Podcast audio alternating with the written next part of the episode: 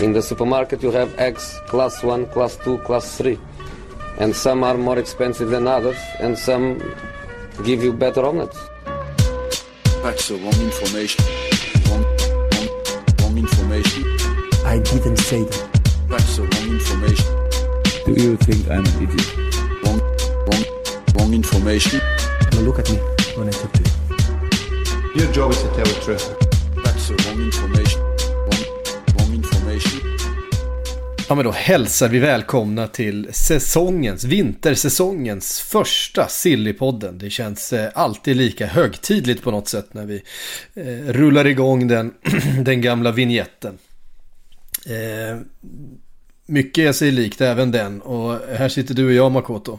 Ja, det, det är väl sig likt sen eh, i höstas, somras här också. Vi har inte velat så länge ändå. Det är väl, finns väl lite skaderisk här nu också när vi har så lite försäsong och bara ska in rakt in i det här igen. Precis, Med det är ju det är ett Allt. riktigt tufft matchschema just nu också med så mycket fotbollspoddar som ska göras.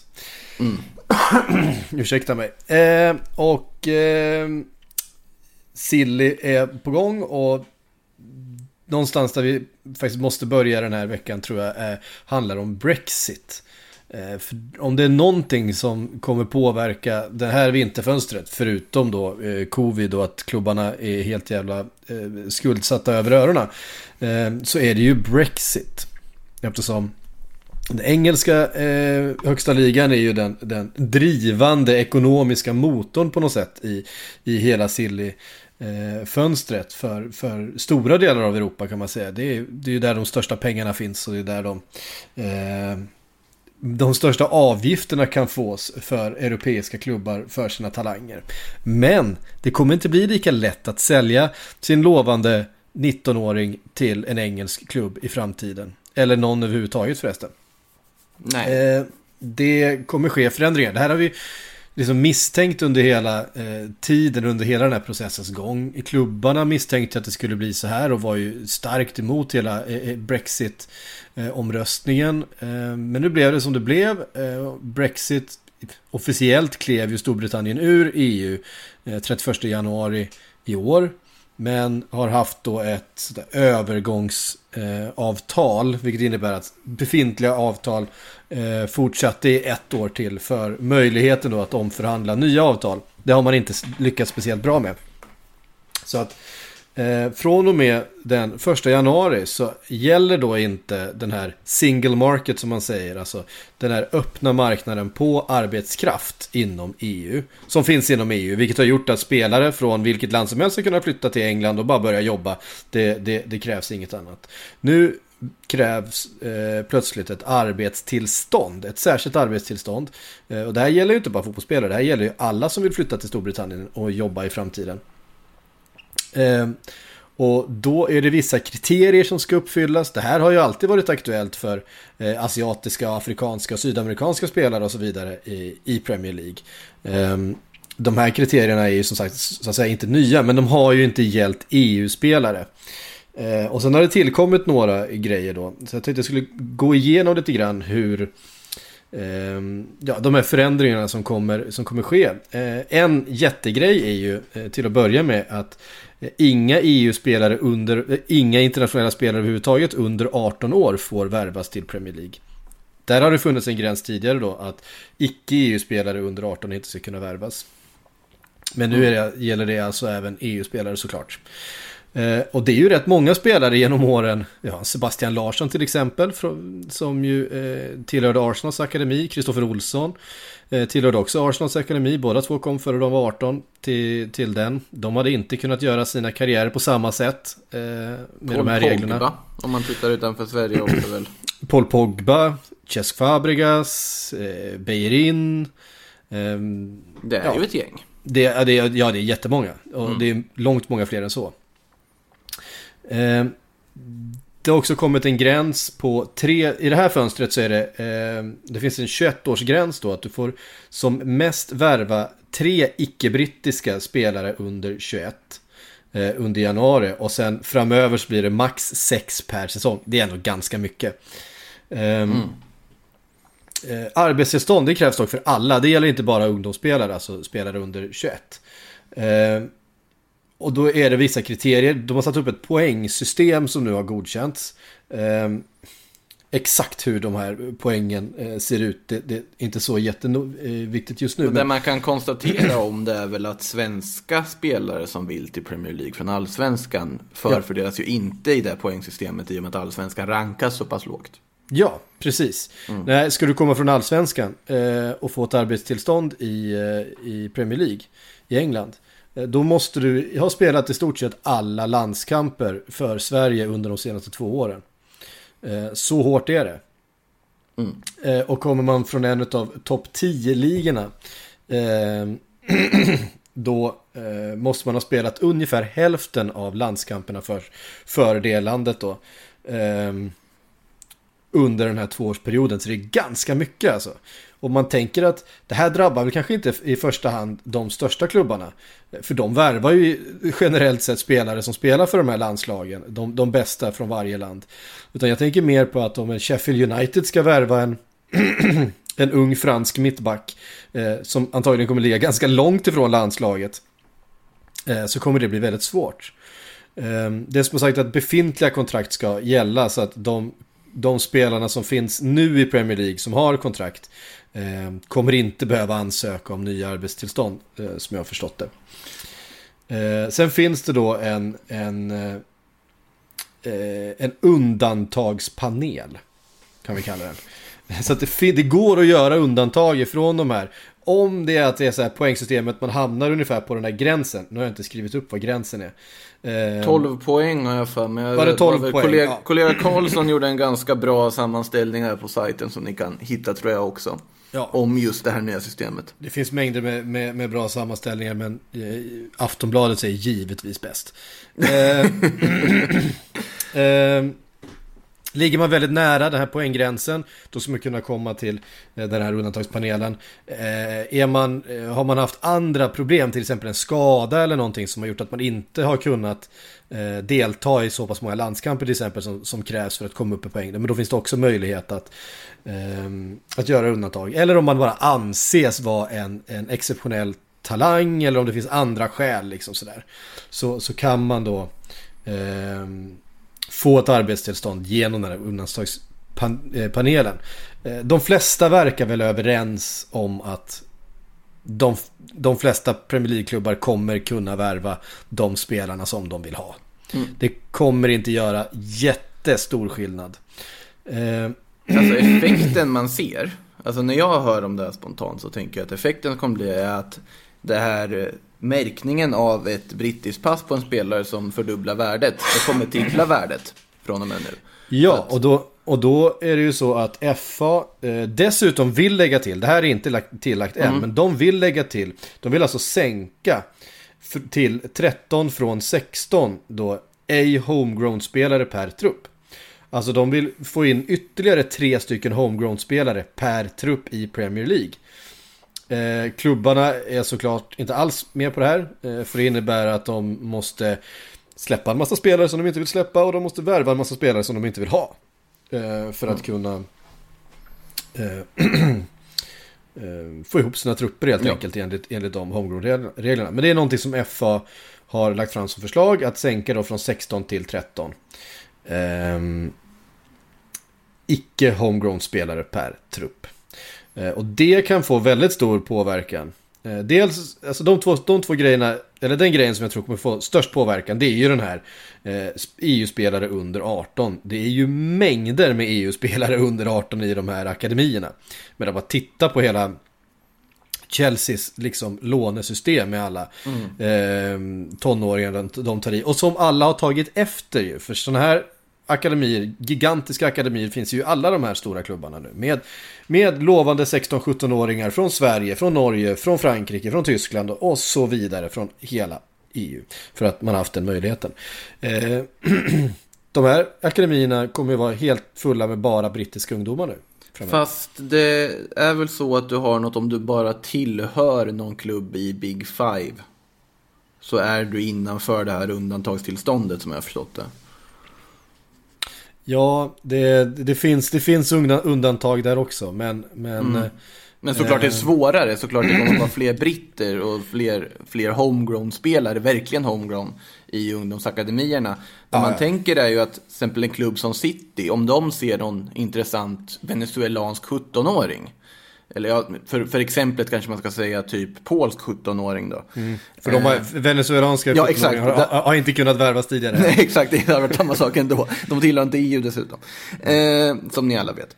Men då hade, de har ju så många olika klubbar de kan flytta dem till. Det är bara att värva dem genom New York City på det här sättet de har gjort. Problemet är att de blir ju inte homegrown i England då, för de kommer ju fostras i någon annan av City Groups alla klubbar någonstans i världen. Så att då är de ju inte lika intressanta i och med att det kommer, om till och med den där andra regeln skulle gå igenom också, att du måste ha ännu fler homegrown-spelare i truppen, så ja, då kommer det ju vara så att Harry Maguire för en miljard, nej Harry Maguire för två miljarder kan vi börja prata ifall det fortsätter på det här sättet. Också med tanke på att Premier League-klubbarna är de enda klubbarna i världen i princip som tagit sig igenom hela den här pandemin någorlunda ekonomiskt väl och fortfarande har råd att lägga stora pengar på spelare. Ja, Nej, det, det är en väldigt, det har ju, den här pandemin har ju faktiskt ökat avståndet mellan de engelska storklubbarna och resten av Europa i, eh, i eh, budget. I hur stor, hur stor, stor eh, pengasäck man har att röra sig med. Um, vi tittar på de spanska klubbarna, Barcelona är ju, de är så skuldsatta så att det, det eh, man undrar hur de ska lösa det alltså. Nej men det, det där kommer inte lösa sig på hur många år som helst. Alltså, och nu om vi pratar 2020 års räkenskapsår så tror jag att det var 96 eller 97 miljoner euro minus. Ja, ju... Eh, Real Madrid som ändå får anses vara en klubb som, ja man tänker, ja men de har hanterat det ganska väl. Ja, de gick 313 000 euro plus. De går alltså i princip plus minus noll på intäkter. Och det är ju ganska, och då pratar vi ett år där man inte har värvat någon. De har inte värvat en spelare nej. Nej, men de har också en miljard svenska kronor i uteblivna utgifter från att ja, det inte spelat matcher med publik. Så att eh, de sitter ju i ett läge där, där Mbappé 2021, där kan man nog börja omvärdera till Mbappé 2022 när han kommer på fri transfer efter hans kontrakt gått ut. Det, det börjar luta åt det i alla fall. Ja, precis. Ehm, det, är, det är svårt just nu att, att sia om någonting och de sakerna man har på något sätt, och det såg vi ju redan i, i höstas, vad säger, i våras, att saker man verkligen har sett framför sig. Eh, Timo Werner till exempel, att klubbarna omvärderar sina strategier. Ehm, eh, men vi har trots det en hel massa rykten att ta upp. Eh, Det var Brexit, det kommer vi prata mer om och det kommer få eh, konsekvenser. Eh, Vi följer såklart vad som händer med den här nya homegrown-regeln som inte kommer börja gälla under den här säsongen såklart. Utan den, den, den blir ju längre fram i sådana fall. Men det blir någonting som, som klubbarna redan nu måste börja ta i eh, beaktande när de ska värva om det är så att eh, det beslutet fattas. Ja, men de får väl på något sätt hitta, bygga ett City Group fast inhemskt. Ja, eh, det är ju, det är ju, det är väl åt det hållet vi går. Alltså det som man befarar är ju att världsfotbollen kommer bli liksom en kamp mellan olika fotbolls eh, liksom syndikat med klubbar i, i många olika länder. Vi har ju redan City Group, vi har Red Bull-lagen. ehm, vi har ehm, ja, de som var tidiga ute eh, är ju ehm, Watford med... Eh? Potter-familjen tänkte ja, jag på. exakt. Ehm, som har haft det där tänket. Ehm, och Fast det, i Potso-familjens fall så är det väl snarare att man äger en hel del fotbollsklubbar. Och tycker Precis, det är roligt men man att har, ha ändå, olika. ma- man har ändå kunnat så här, skicka en spelare från ena hållet till den andra och, Ja. och eh, utnyttja att man, man eh, sitter på båda sidor i, i förhandlingarna. Liksom. City är väl egentligen den första klubb som har systematiserat det på en väldigt tydlig nivå där alla klubbar också ska ingå i någon sorts paraply under samma varumärke. Ja, ja, men City och Red Bull. Ja, Red Bull naturligtvis också ja. Ja, det, det är ju de två. Jag tror att vi kommer få se mer av den varan eh, framöver. Eh, och det handlar ju om att etablera en klubb i Nordamerika. Det kommer antagligen handla om att etablera en klubb i, i, eh, i Sydamerika, etablera en klubb i Asien och så vidare. Mm. Eh, kommer du ihåg Billy Gilmore? Ska, ska vi börja Silly-podden, säsongen, vintersäsongen 2021 med Billy Gilmore? Men Jag tycker det. har lagt in Messi på körschemat, har lagt in Ramos. Jag hamnade, han hamnade, när jag satt och klippte och klistrade så hamnade han högst upp av någon anledning. Det var inte, det var inte med flit, men eftersom min, min hjärna är så pass begränsad att jag bara klarar av att läsa uppifrån och ner på en lista så, så är det Billy Gilmore som... eh, Men visst, visst minns man Billy. Gilmore för att besvara din fråga? Och det är väl Italien va? Ja, precis. Ja, men det handlar ju om den här eh, 19-åriga Chelsea-talangen som slog igenom i slutet på förra, eller precis före pandemin där. I eh, framförallt ett par fa Cups-matcher och inte minst då den mot, eh, mot Liverpool. Eh, när han var så fantastiskt bra, central mittfältare. Har varit skadad under hela den här säsongen egentligen, men eh, fanns med nu då i Champions League senast. Och eh, enligt då de här ryktena så är det Napoli som är sugna på att låna in Billy Gilmore. De har, eh, ja, de har behov av en eh, central mittfältare. Eh, de vill då ha en köpoption också i sommar, eh, sägs det. Det är jag inte så speciellt säker på att Chelsea kommer gå med på. De tror mycket på Billy Gilmore fortfarande tror jag. Eh, däremot eh, skulle man kunna tänka sig att han går på ett lån, men då inte till Napoli va? Det är för stort steg. Ja, Alltså, det känns som att han in? han, måste, han, han skulle absolut kunna gå på lån i, i januari, men då, då måste vi snacka Championship eller möjligtvis en, en Bundesliga-klubb liksom längre ner i, i eh, tabellen sådär. Sheffield United när de ska försöka börja spela fotboll istället för att ta sig ur sin, sin problematiska situation. Ja, men- han behöver ju speltid, det är ju framförallt det. Men sen Ja. fattar jag att Napoli eh, också ser att det är en, en eh, väldigt, väldigt fin spelare. Men det borde vara ointressant för dem om de inte får igenom någon form av köpoption eller något i den stilen. Ja, för precis. att de ska ju inte bete sig som en feederklubb till att börja med. Även om de såklart blir det till Premier League-klubbarna, de allra mest rika Premier League-klubbarna.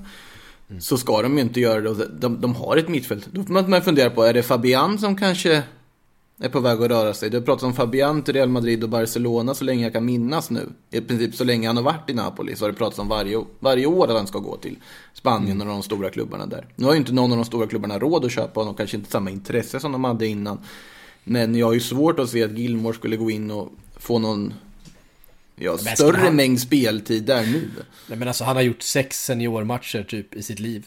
Ja. Eh, han kan inte gå rakt in i en sån klubb och, och, och, och vara startspelare. Det, Men han är britt och han är homegrown. Ja, dessutom. så att... ehm, nej, så det, den, den skriver av. Men det var, jag tyckte det var kul att få in eh, Billy Gilmore med tanke på att man hade glömt honom lite grann. Men han gjorde ett sånt fin... Eh, men han stod för ett sånt riktigt genombrott där i, i, i våras. Eh, och var så eh, otroligt bra eh, då. Det är ingen lätt mittfält att slå sig in på där i Chelsea direkt. Nej, det är ju inte det. Och är det så att nu har han ju precis kommit tillbaka, jag tror han har varit skadad i, sen i somras. Ehm, och han behöver ju speltid nu då. Han behöver ju eh, trumma igång igen. Så att eh, sitta och nöta bänk och spela U23-matcher i Chelsea kanske inte är helt eh, det bästa utan eh, komma ut till ett A-lag någonstans. Ja. Ehm, mittbackar kommer det handla mycket om idag. Det har det väl gjort i ett år i den här podden. Ja, det har ju gjort det i flera år. Eh, med, Ja, tanke och på att, med tanke på att det har varit en sån eh, enorm bristvara. Mm. Eh, och dessutom då när, när flera av de bästa mittbackarna i världen går, och, eh, går sönder på det här sättet. Då, då minskar ju inte efterfrågan om man säger så. Nej. Eh, en, eh, om vi stannar i England en liten stund till så eh, är ju Ben White, Brightons mittback som var utlånad till Leeds förra året och var så fantastiskt bra och har börjat den här säsongen väldigt bra också. En spelare som verkar vara på precis allas radar. Det var liksom hela topp 6 eh, hade hört av sig och visat intresse. Ben White själv säger att han inte är aktuell för någon flytt just nu. Vilket jag inte tror att han är heller. Jag tror att han eh, kommer definitivt spela färdigt den här säsongen i, i, Brighton. Men eh, de är där och känner sig för och jag ser det absolut inte för osannolikt att han lämnar för en av topp 6-klubbarna i England i sommar. Det är ju en spelare som på något sätt motsvarat eller bekräftat hypen under den här säsongen. För att han hade ju ingen Premier League-erfarenhet att tala om. Inför säsongen, det var ändå jättestort intresse, kanske snarare från de här klubbarna precis utanför topp 6 än själva topp 6 då. Eller i och för sig topp 6 var vi intresserade då med. Men, och sen då, så blir han ändå kvar i Brighton. Brighton tackar nej till de här enorma buden som kommer på honom. Och dessutom ändrar sitt spelsystem för honom. Mer eller mindre. Man byter ju till en trebackslinje för att Ben White ska få plats bredvid Webster och Dunk. Och, och då har gjort det jättebra där. Så att det finns ju in, ännu mindre anledning för dem att sälja honom nu. Än vad det fanns Ja. i somras. Verkligen. Eh, framförallt var det ju Leeds som ville köpa loss honom då efter den fina säsongen Ja, i, i, i Championship. Men det, och de, de var ju beredda att, att, att tömma hela lagkassan för att göra det, men det, det gick icke. De fick en tysk istället. Han var lite billigare. Ja. ehm, en annan mittback som det pratas eh, mycket om är Skriniar. Det har pratats länge om Skriniar till Spurs. Eh, kommer vi fortsätta prata skrinjer till Spurs hela vintern tror du? Naturligtvis kommer vi göra det. Sen eh, ska jag till att Skriniar har inte börjat den här säsongen optimalt heller. Var ju en av, en av flera spelare i Inter som varit borta på grund av covid en period. Han har inte helt sett supersäker ut väl när han spelat. Eh, insatsen där i returmötet mot Real Madrid i Champions League var väl någon som man inte kommer att eh, ta foton från och rama upp på väggen hemma. För det, det var ingen höjdare, han var ganska vilsen, förvirrad. Och Inter-försvaret i sig har ju varit ganska förvirrat och icke-fungerande. Men Inter har ju samtidigt inte riktigt råd att göra sig av med Skriniar. Då måste de ha in en annan mittback och med deras ekonomiska muskler de har så blir det väl typ att de kommer kopplas till ja, lån av Mustafi eller Rydiger. Eh, så att Ja. det känns ju dumt, men om Tottenham kommer ett bra bud så kan det ju vara läge att sälja ändå. Sett till att Skriniar kanske inte har imponerat så här ofantligt mycket under säsongstarten. Och man förstår ju varför Tottenham tittar på honom, för de behöver ju, även om de fick in Rodon, så behöver de ju en mittback till. Ja. Eller är det? Rodon, s- ska man säga. Rodon. Ro, ron, rondon är vad han Ja, Ron, Rondon är en annan kille, han spelar forward. Han är i Kina fortfarande va? Eh. Det lär han väl vara. Han, han Eh, kommer dyka upp någon gång under det här vinterfönstret också. När någon ska ha en target i slutet. Ja, just det, Rondon fanns. Ja. Ja, exakt. Han blir... Eh, eh, ja, han finns ju. Han kan ju Han fortfarande göra mål. Han, han, fortfarande tappade ju, han, han var ju, blev ju så påverkad av eh, situationen hemma i Venezuela att han, att han eh, tappade helt fokus på sin fotboll. Mm. Det var väldigt... Eh, han mådde jävligt dåligt där ett tag och sen dess har han inte riktigt kommit tillbaks faktiskt. Han var ju sjukt het och sen så eh, blev det sådana, ja, men det var ju sån, det var som en humanitär katastrof, katastrof i Venezuela. Eh, och runt eh, val och det var demonstrationer och, och mycket våld och, och så vidare. Och det påverkade honom så mycket att han eh, hade svårt att fokusera på fotbollen. Och som sagt, han, han kom aldrig riktigt tillbaks till sin eh, riktiga nivå efter det. Nog Eh. 90 spelare i sin, liksom.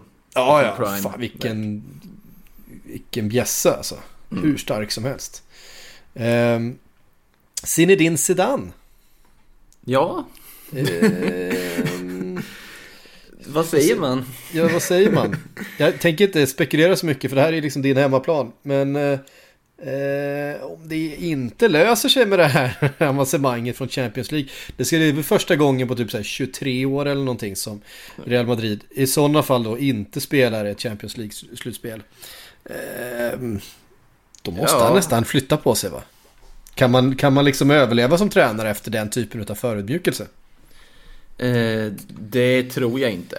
För nu börjar det ändå höjas röster. Nu börjar de här artiklarna dyka upp på de spanska sajterna med den här delen av spelartruppen har inte förtroende för Zidane. Zidane ryker ifall de förlorar mot Sevilla. Zidane ryker ifall de förlorar mot Gladbach. Det kommer mycket sådana uppgifter och detta samtidigt som det har börjat diskuteras enormt mycket kring Sergio Ramos och hans framtid. I och med att han har ett utgående kontrakt. Vi kommer väl in på det sen. Men i Zidans fall så är det ju väldigt tydligt att det fungerar inte.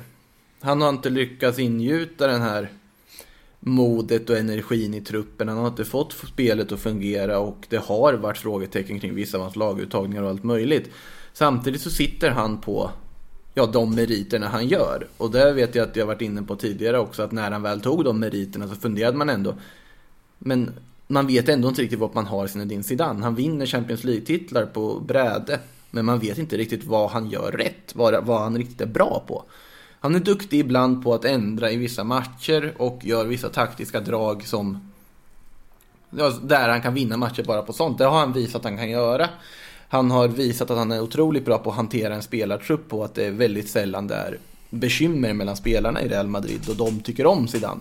Men nu har ju resultaten varit så undermåliga att jag har väldigt svårt att se hur han ska överleva. Sen har han ju enormt stort förtroendekapital hos Florentino Perez. I och med också att Florentino Perez satte sitt eget rykte på spel när han valde att ta tillbaka Zidane. Nu har ju det gett en ligatitel men inte så mycket mer. Men samtidigt så tror jag också att Perez idag har väldigt större, mycket, mycket mer, vad ska man säga, tålamod. I och med att de också är medvetna om att det är en viss generationsväxling som Real Madrid genomgår. Men samtidigt ska det ju inte behöva se ut på det här sättet det gör. Och om man åker ur Champions League då tror jag att han ryker. Beroende på också vilka som står redo att ta över. Det sägs ju att Pochettino ska vara ett av huvudalternativen. Allegri ett annat. Och Ja, Raúl. enligt, enligt Goal ska ju, ska ju Pochettino ha varit i möte med, eh, med eh, Florentino Perez här under, under veckan. Så det är ju inte omöjligt att vi får se ett eh, tränarskifte där innan, innan årsskiftet. Beroende på vad som händer mot Sevilla här imorgon då. Mm, precis. Och eh, på den andra sidan i, i Spanien, vilket då är Barcelona, eh, så ehm, är det ju rykten om Messi. Eh, och vad som händer där, enligt eh, interimpresidenten då, eh, så borde man ha sålt Messi i somras. Eh, Av inne på- finansiella skäl. Så Ja, av ju tolka på... självklart. Av fi- finansiella skäl. Ehm, Sen är frågan om ingen man ingen säljer det. Messi av sportsliga skäl. Det, så är det ju. Eh, Nej, det, det är ju i och för sig sant. Där, där har du en poäng. Ehm, och vi var inne på hur katastrofal ekonomin i Barcelona är. De har eh, miljardskulder. Ehm, som man inte riktigt vet hur... De har miljardskulder och dessutom då eh, går med för, liksom förlust. De har gjort en förlust på en miljard eh, den här säsongen. Så att de måste sälja spelare för att balansera böckerna. Ehm, Och de måste också köpa spelare för att på något sätt eh, få igenom generationsväxlingen som de håller på att försöka göra. Och det, det är en sån otroligt djup sits de sitter i. Och det Och spelar grejen ingen roll vem som tar över som president. Nej, och i somras hade de kunnat få betalt för Messi. Alltså de hade kunnat sätta en prislapp på en och en halv miljard och skeppat honom till City. Det tror jag verkligen. Ja. Eh, och både blivit av med, med den enorma lönen och eh, fått in en slant. Eh, och kunnat, kunnat balansera böckerna lite grann. Sen ska det ju också tilläggas att när det kommer till just Messi så finns det en annan aspekt. Om man, om man, då, om man bortser från allt liksom eh, emotionella, sportsliga, alla de aspekter, bara tänker rent iskallt ekonomiskt. Så är det att det kan ju innebära ett intäktstapp också på att du tappar Messi och den ja, totala depression som klubben skulle hamna i om de där hade valt att sälja Messi. Samtidigt var det många som sa, men låt han gå. Men ja, det, det är otroligt svårt. Det känns som att det hade blivit fel för dem vad de än hade gjort där. Nej, det är ju en, det är en riktig smäll för varumärket Barcelona om han försvinner. Så Det var lite så jag tänkte. Ja, plötsligt står man där med, med Griezmann som sin största stjärna liksom. Ehm, Han har och varit det- bra på sista tiden. ja, Efter den och där intervjun när, när, de, när de började, när det pratades om att de var oense och alltihopa, Griezmann och Messi. Och Griezmann var ganska bra. Ja. Ehm, men eh, det som...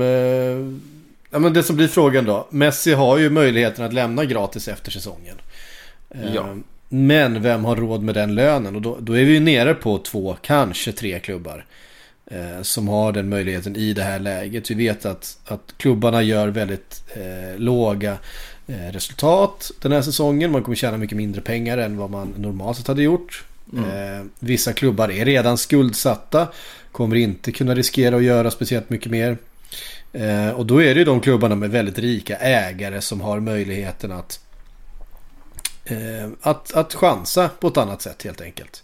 Eh, och då är vi nere på eh, Manchester City, Paris Saint-Germain och Chelsea. Chelsea gjorde ju sin, har ju gjort sin satsning. De gjorde den i somras. Passade på när eh, alla andra höll hårt i plånboken. Så värvade de in en helt ny offensiv i stort sett. Eh, och dessutom en, en ny jättedyr målvakt. Och, eh, med flera. Så att, så att de har gjort sin. Då är det ju City och PSG kvar. Eh, om man bara ska använda sig av någon slags ut, uteslutningsmetod. Mm. Eh, och Neymar verkar ju vara sugen på att få återförenas med, med Messi, sin gamle kompis. Ja, han var ju otroligt tydlig med det. Att han, han gick ju ut där och sa att ja, det jag önskar med Messi är att få spela fotboll med Messi igen.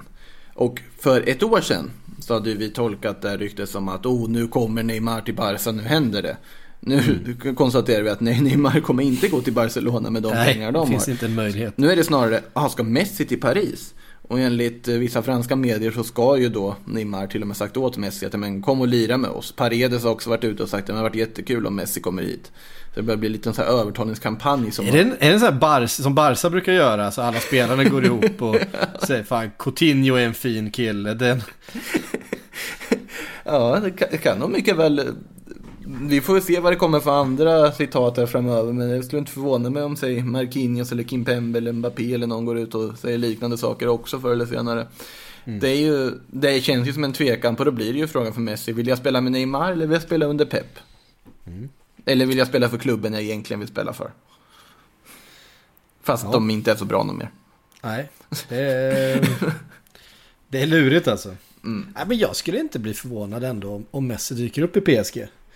Men det ställer ju då frågan, vad händer med Mbappé i sådana fall? Ja, För att de måste ju också då finansiera Messi till viss del. Eh, och då, om man ska sälja någon, frigöra, visserligen inte Messis storlek, men frigöra visst löneutrymme och så vidare, då är det ju Mbappé som ryker.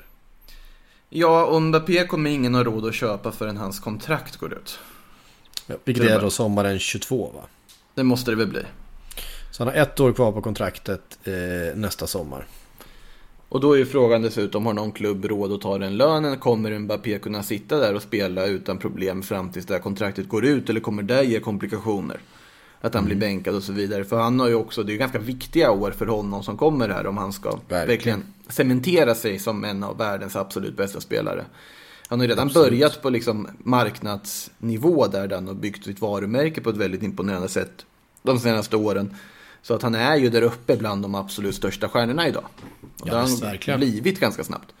Ja. Men frågan är ju om han kan sitta och bara spela ut ett kontrakt för att gå gratis. Det, Jag tror att han kommer lämna i sommar. Eh, nu i sommar. Ja, jag tror det. Och vilka skulle köpa honom då? Ja, det är ju det som är frågan. Det har ju hela tiden känts som Real Madrid. Men Real Madrid kommer inte ha råd att köpa honom. Nej, och då blir det ju frågan. Exakt. Och Real Madrid, jag, jag kommer ju envist vidhålla fram tills det bekräftat motsatsen att Mbappé kommer hamna i Real Madrid förr eller senare. Jag tror också att han hamnar i Real Madrid förr eller senare. Men, eh, ja. Eh, det, alltså, ja. Det, det, det är klart han skulle kunna bli kvar. Så du får säga att du tror han hamnar i Liverpool. Jag tror inte han hamnar i Liverpool. det är, eh, men jag, jag tror, jag, jag har ju också hela tiden trott att han skulle till Real Madrid. Jag tror fortfarande att han kan hamna i Real Madrid i sommar. Frågan är hur då?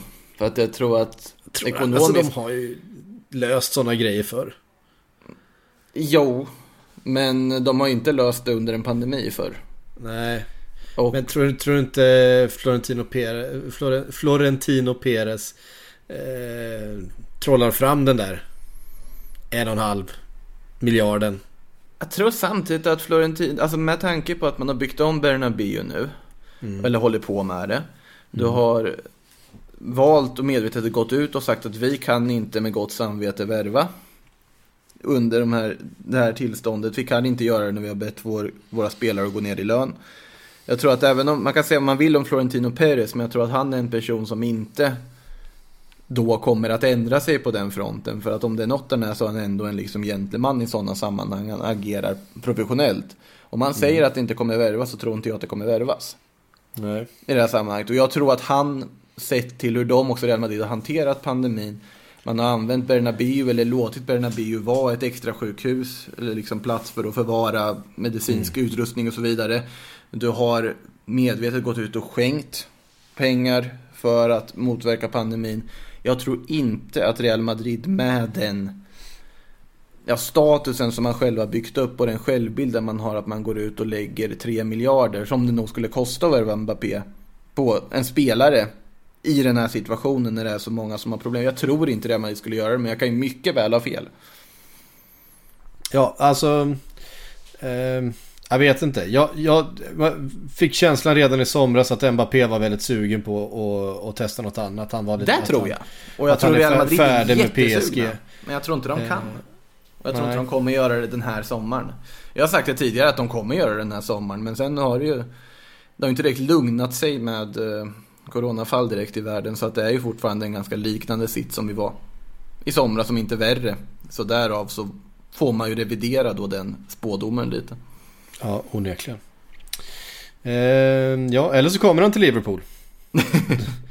Men då tror jag att de måste sälja två utav fronttrion. Då får de sälja Firmino, jag vet inte till vem. De får sälja Salah, jag vet inte till vem heller. Du, och sen du, kan de köpa... du tror inte de säljer Mané då? Ja, eller Mané. Mané Eh, känns ju som den som är lättast att få stora pengar för. Det är alla fall Mané som väcker mest intresse från andra klubbar. Ja, så är det nog. Ehm, Jag tror att man skulle kunna få bra pengar för Salah också.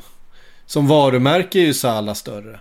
Men då räknar vi med att... Enormt slår, stor i hela arabvärlden. Ja, då slår Liverpool till då alltså i och med att Real Madrid har inte pengar att värva Mbappé. Mm, Paris har precis köpt Messi i den här ekvationen. Exakt. Och vilka ska då köpa Salah? Men Barcelona då, för Messi-pengarna? Men de måste ju lägga in Messi-pengarna för att bara bryta skulder och Ja, sen lägga exakt. ut de där 20 miljonerna på Memphis Depay som de inte kunde betala i somras. Så att, det, det, är ett, eh, det, är- det, är ett, eh, det är ett svårt pussel att lägga. Nej, det, det kan man inte riktigt se. Nej, Kommer det, in och- det, det, saknas, eh, det saknas ett i ledet. Nej, men det är därför jag inte tror att det händer heller. Eh, Dels för att det är liksom inte så. Det är bara inte så Liverpool jobbar. Det är inte Nej. så. De har, eh, jag har ett Liverpool-rykte med eh, som är mer hur Liverpool jobbar. Eh, och det handlar om Brightons Bissouma. ja, det, det kände verkligen Liverpool. Ja, alltså du vet. Är bra. Det, det, det är där vi jobbar. Vi jobbar inte Mbappé. Eh, Bissouma är bra. Ja, exakt. Ja, jättebra värvning. Det, det är en supervärvning. Det, är- det är en smart värvning. Ja, men du har spelat Curtis Jones i en roll han inte riktigt hanterar stundtals. Då är det ju bättre att få in en, alltså den typen av mittfältare har man ju inte riktigt. Som Nej. Bissouma i laget, det är ju perfekt. Nej, precis. Eh, och de behöver ju, det är ju väldigt tunt just nu. Så att det hade ju varit en rimlig januarivärvning. Ja, Eh, fast mittback. Men Liverpool måste väl värva en mittback eller? Vi har fått jättemycket frågor om det såklart. Eh, skicka ut här, det var flera stycken som frågar. Ja, det, det, eh, det tycker man ju. alltså, jag, jag hade inte haft något emot en mittback till, eh, om man säger så. Men, men, ehm, ehm, men jag får bara känslan av att de inte kommer värva någon mittback. Men kommer de inte slå till på Özcan Kabak eller Raisa Mandi och de som det pratades om i somras då? Kabak är ju det som det har pratats om. Ja, Milan skulle vara intresserade där också för de behöver ju också en mittback för att Kjär är skadad. Ja, precis. Ehm, Raisa Mandi har inte varit så bra. Eller det har inte hela Alltså, Betis varit. fan alltså. Ehm, Peppe. Peppe, ja för fan, in med Peppe. Alltså det, när jag såg det där så vart man ju lycklig. Det var ju någon bild där på Twitter som Ja. När van Dijk gick sönder bara, ni vet vad ni ska göra liksom. In på halvårslån till näst, nästa Merseyside derby. Ja, exakt. Ja, men det, det är till Merseyside-derbyt man har Pepe som en, som en torped. Största grisen Ja. eh, av dem alla. Nej, jag vet inte. Jag, jag, jag får känslan av att Liverpool inte... Alltså, jag tror att, att eh, Klopp på, av någon anledning... Eh, hela tiden har ju, har ju känslan varit att Fabinho skulle täcka upp. Han skulle vara ett, ett eh, alternativ som på mittbacken. Eh, Ja. Liksom i planeringen. Även med alla, med alla eh, hela så tror jag Fabinho hade spelat en del mittback den här säsongen. Men samtidigt, Fabinho är ju inte direkt en skadeförskonad spelare. Matip Nej. håller ju ungefär lika bra som en iPhone-skärm. Och, och, och, då, men, och du hade på något sätt förstått om när van Dijk blev skadad att okej, ja, men vi klarar oss på Fabinho, Matip, Joe Gomez och eh, någon grabb Ja. Mm. från akademin. Men nu när Joe Gomez är borta också, de måste ju få in en rutin. Det pratas om Meskel Garay va? Också lite. Alltså, Han sitter ju där passerat- kontraktslös och funderar över tillvaron. passerat så många namn. Inget har känts speciellt trovärdigt. Det har inte kommit från några bra källor, något utav det. Ehm, Garay hade varit bra. vad, vad, kan Garay ens spela fotboll fortfarande? Garay är fortfarande duktig. Jag vet inte vad han har gjort när han har varit kontraktslös från Valencia förutom att uh, muttra argt över Valencias ledning. Men Ja, precis. Ska man in Och och, att- ska man, ska man in och köra i Liverpool då? Jag vet inte. Nej, men det ska ju inte Ehm, vara någon som kanske ska vara första valet, utan det ska vara att du ska ha ett komplement, någon med rutin. Du vill ju ha in typ Pepe eller Garay eller någon som varit med på högsta nivån, som vet vad det handlar om, som kan gå in och stå, nicka undan något inlägg. Så att du bara har någon där. Ja. Det är ju, om inte annat är det ju ovärderligt för de unga spelarna som kanske ska in och spela att ha någon rutinerad spelare med sig på träning. Van Dijk är väl ganska långt ifrån lagträning fortfarande. ja, herregud. Ja, exakt. Men det är ju nästa försäsong liksom. För han var väl ganska snabbt tillbaka där och började ändå gymträna Ja, fast det, det, det, de uppgifterna var ju liksom, eh, ja, absolut, han var ju igång med, Ja. med någon slags rehab, men, men det var, sa ju alla, det är ju så det funkar med, man måste göra viss, viss rehab direkt efter operation och sådär, utan det var bara det var inte att han hade läkt nå- mirakulöst snabbt på något sätt och var igång med någon träning, utan det var, det var vanlig rehab efter Mm. operation bara. Ja. Ehm, men ja, jag vet inte. Jag avvaktar lite där. Skriniar kanske? Ja, fast då Eh. blir det ju återigen en spelare du lägger massa pengar på som Ja, kommer ta en verkligen. plats. Jag, jag, jag ser en quick fix. Alltså ta in någon 35-åring, 38-åring, vad som helst. Den bara kan gå in Ja. där och vara där. Ja, nej, jag håller med. Jag håller med. Samtidigt så får man ju ge eh, Rhys Williams och Ned Phillips att de har gjort det bra. Eh, alltså akademispelarna som har kommit in. Verkligen, Eh, men så det, det varit finns synd också... att inte fortsätta ge dem förtroende också. Men det kan de ju få fortsätta göra, men du måste ha en plan när plötsligt den här oundvikliga formdippen kommer komma på en sån spelare som kastas in i het luften och ska spela varje match. Ehm, tillbaks till Chelsea. Enligt ISPN har de lagt ut Kepa till försäljning. Ja, Lycka till! ja det verkligen. Eh, De eh, ska eh, vara beredda att göra en viss ekonomisk förlust på den affären. Ja, det, det får de nog räkna med. Det tror jag de får räkna med. Eh, han, må- det är väl hem till Spanien. Jag vet inte annars vart han ska. Han Ja, måste men- väl hem till Basken. Ja, har ju problemet att i eh, kinesiska ligan får du väl bara ha homegrown målvakter jag för mig. Är det så? Ja, för det finns någon form av sån regel. De har ju gjort det lite svårare för utländska spelare. Vi har ju sett det är ganska roligt det där med kinesiska ligan faktiskt, om deras nya utlänningsregler. Vilket innebär att väldigt- många brassar har blivit kineser. Så att det finns ju en kille som heter Fernando som spelar i något lag där, som har bytt namn till Feinando. Och är kines nu. Eh, till exempel. Så att det finns ju många exempel på spelare som då bytt och blivit kineser för att de ska kunna hantera det och så vidare. Men målvakter ser vi aldrig åka till Kina och jag har för mig att jag läst någonstans att det finns någon sån regel att de måste vara homegrown på något sätt för att de vill av någon anledning då främja kinesiska målvaktsfloran. Så att de åtminstone har det bra ställt där i landslaget. All right. Så det är inte ett alternativ för Kepa, det var det jag ville komma fram till. Nej, precis. Nej, jag vet inte vad som skulle vara alternativet. Jag bara såg att det var... Eh, de har lagt ut Kepa till försäljning. Det var som Blocket. Eh, Blocket annons typ. Eh, vi tar Chalanoglu.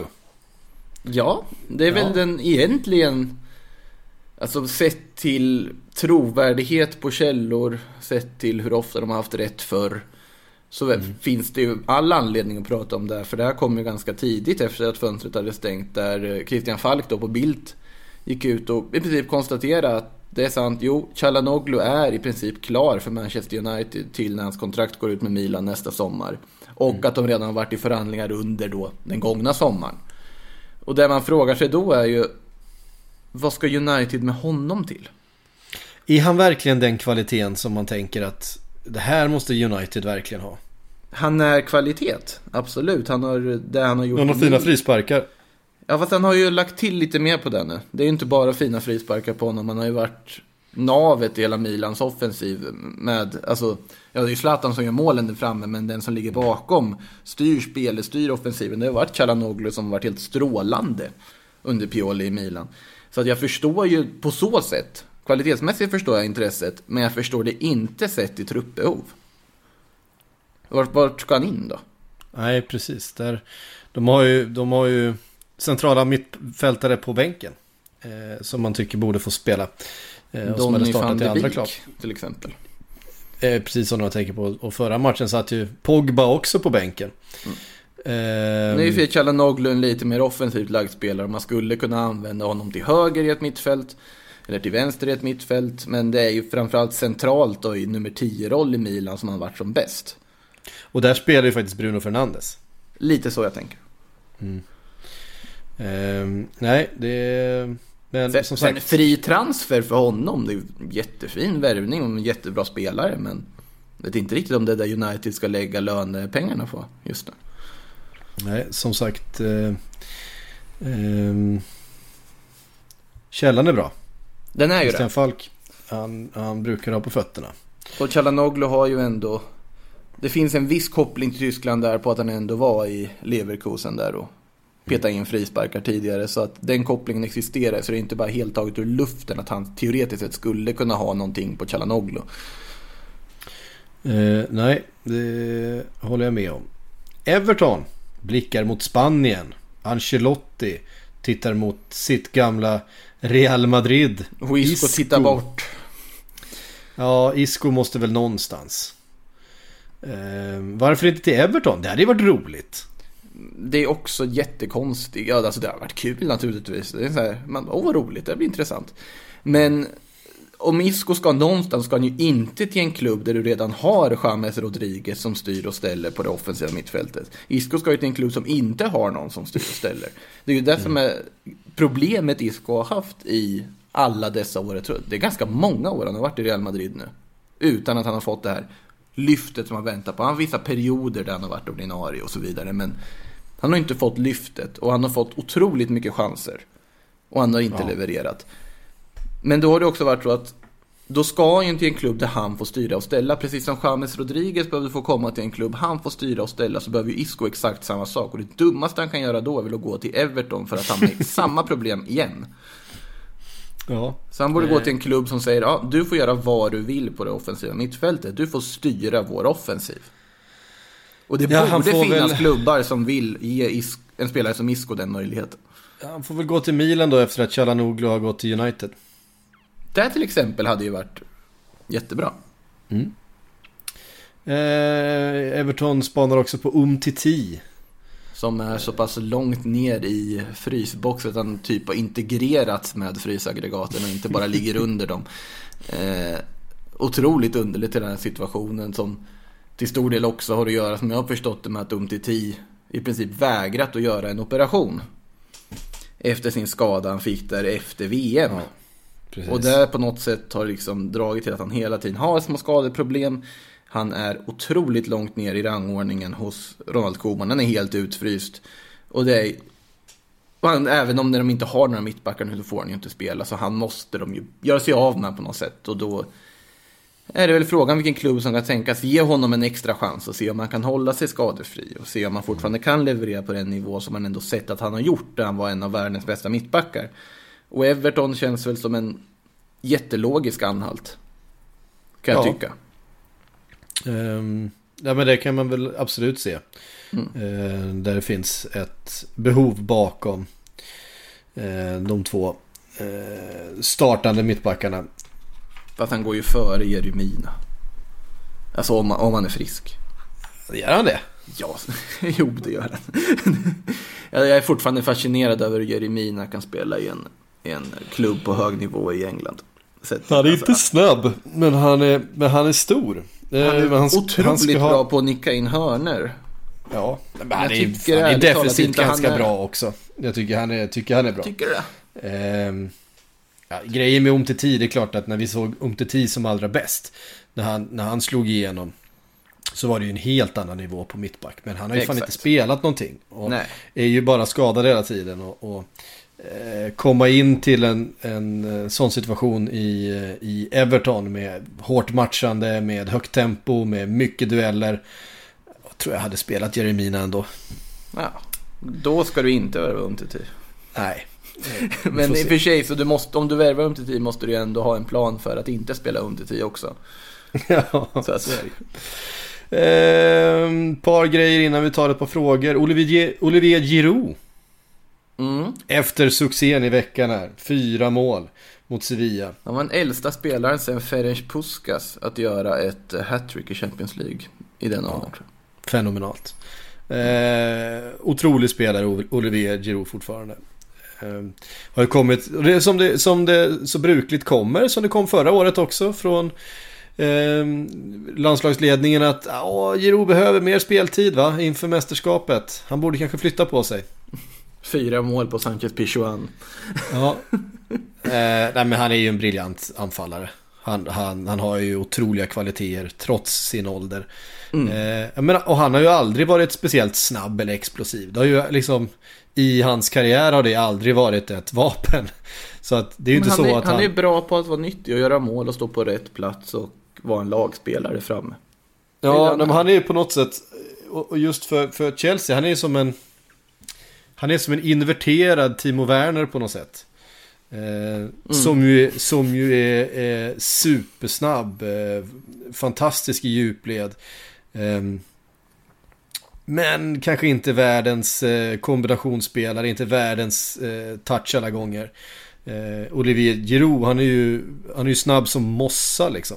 Men har eh, istället en, en eh, fenomenal touch och en eh, otrolig på de här små vinklingen och spela med ryggen mot målet och, och hitta ytor och, och dessutom göra ganska mycket mål.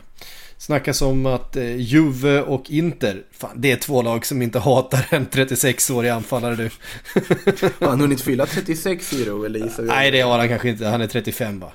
Fyra? Va? Bara 34? Jag tror det. I Tror rena, det. rena Nu googlar vi. junioren. Nu googlar vi. Nu ska vi se. 34. Precis, fyllde han i september. 30 september tydligen. Ja, ja, men det är ju ingenting ju. Nej, alltså inte för ju- Juventus och Inter är det ju ingenting. Men Inter Nej, har velat ha honom i, sen han var 33. Eller 32.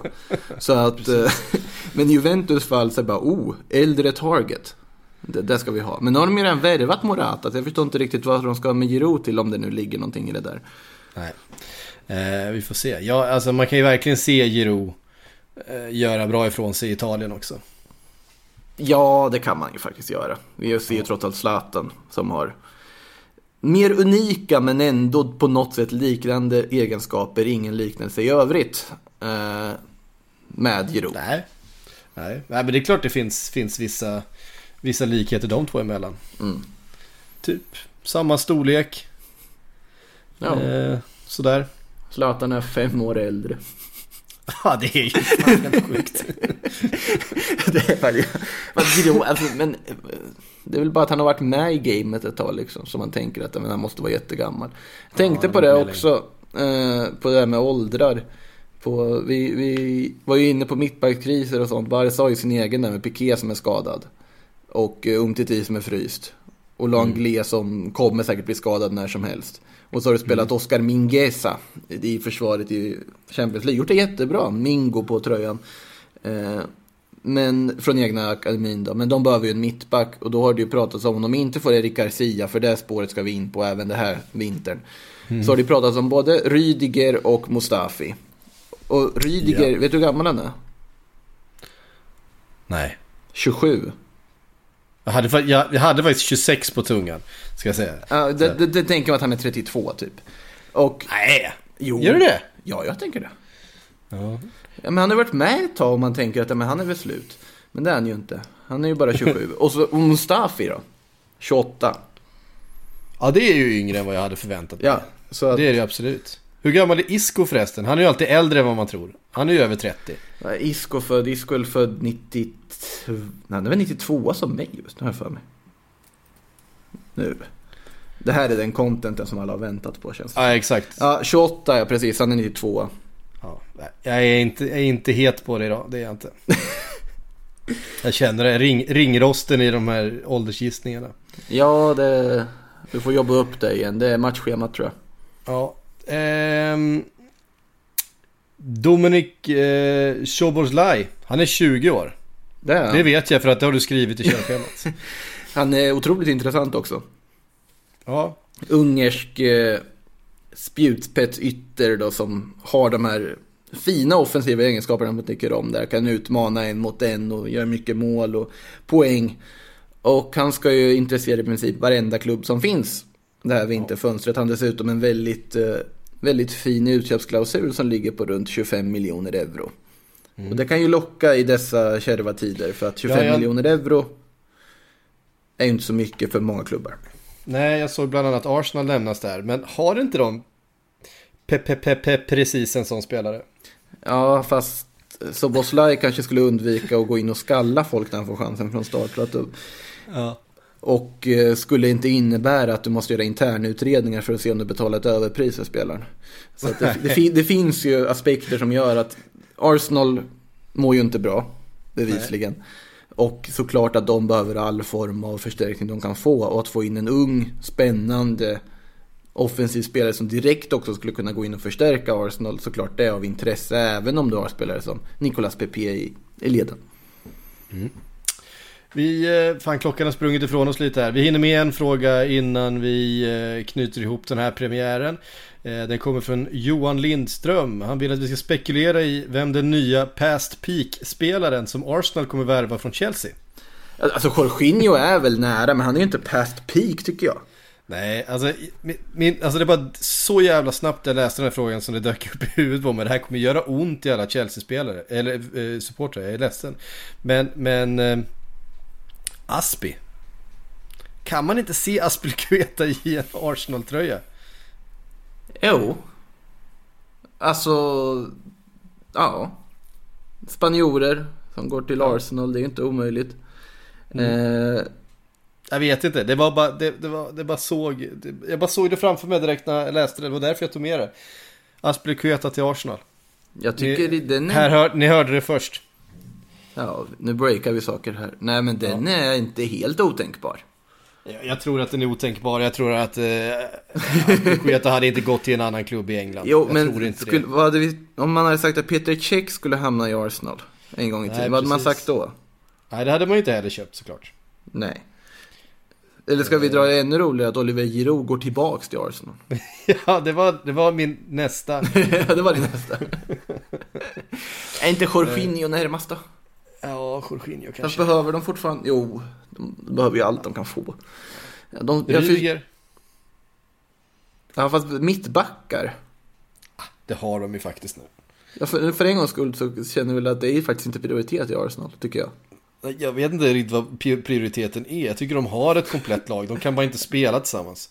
Så det är så komplett, alltså när, de, när man får ställa upp med, jag vet jag kan hugga på någon ganska ofta, men när du ställer upp med Joe Willock som tia, då har du inte ett komplett lag om du vill slåss Nej, de saknar en tia, det gör de faktiskt.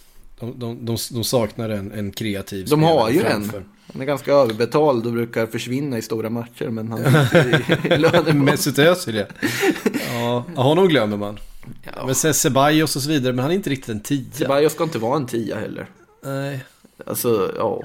Coutinho. Men nu är Coutinho får ju förtroende i Barcelona igen, så han är inte aktuell att flytta Coutinho nu. är heller inte riktigt en tia.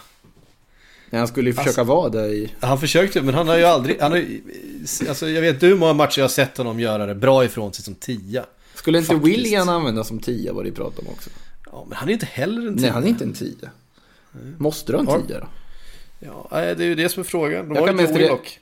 Ja, alltså jag har sett ganska många Arsenal-uppställningar. Ars- Sådana som följer Arsenal mycket närmare mig får rätta mig om jag har fel här nu. Men att Joe Willock som startspelare, jag tycker inte han har. Alltså, ja, han är lovande men han har inte egenskaperna för att gå in kring och starta i viktiga matcher för Arsenal. Jag tycker inte det. Nej. Det får avrunda dagens avsnitt av... Vi börjar Eh. på Billy Gilmore och slutar på Joe Willock. Så är vi igång med... Ja, fy fan. Ja, det är bra. Det är Sillypodden. Där. Hörde ni, det är skönt att vara igång igen. Vi har en eh, hel lång vinter framför oss. Den kommer vara mörk, den kommer vara eh, trist och tråkig. Den ska vi försöka eh, lätta upp och eh, ljusa upp lite grann med Sillypoddar framöver här. Med så många desperata klubbar som vill göra desperata köp så kommer det nog lysas upp ganska rejält med åtminstone tragikomiska rykten. Ja, det ser vi fram emot. Hörru du, eh, Makoto, det här var roligt. Eh, tack alla ni som har lyssnat. Vi hörs eh, snart igen.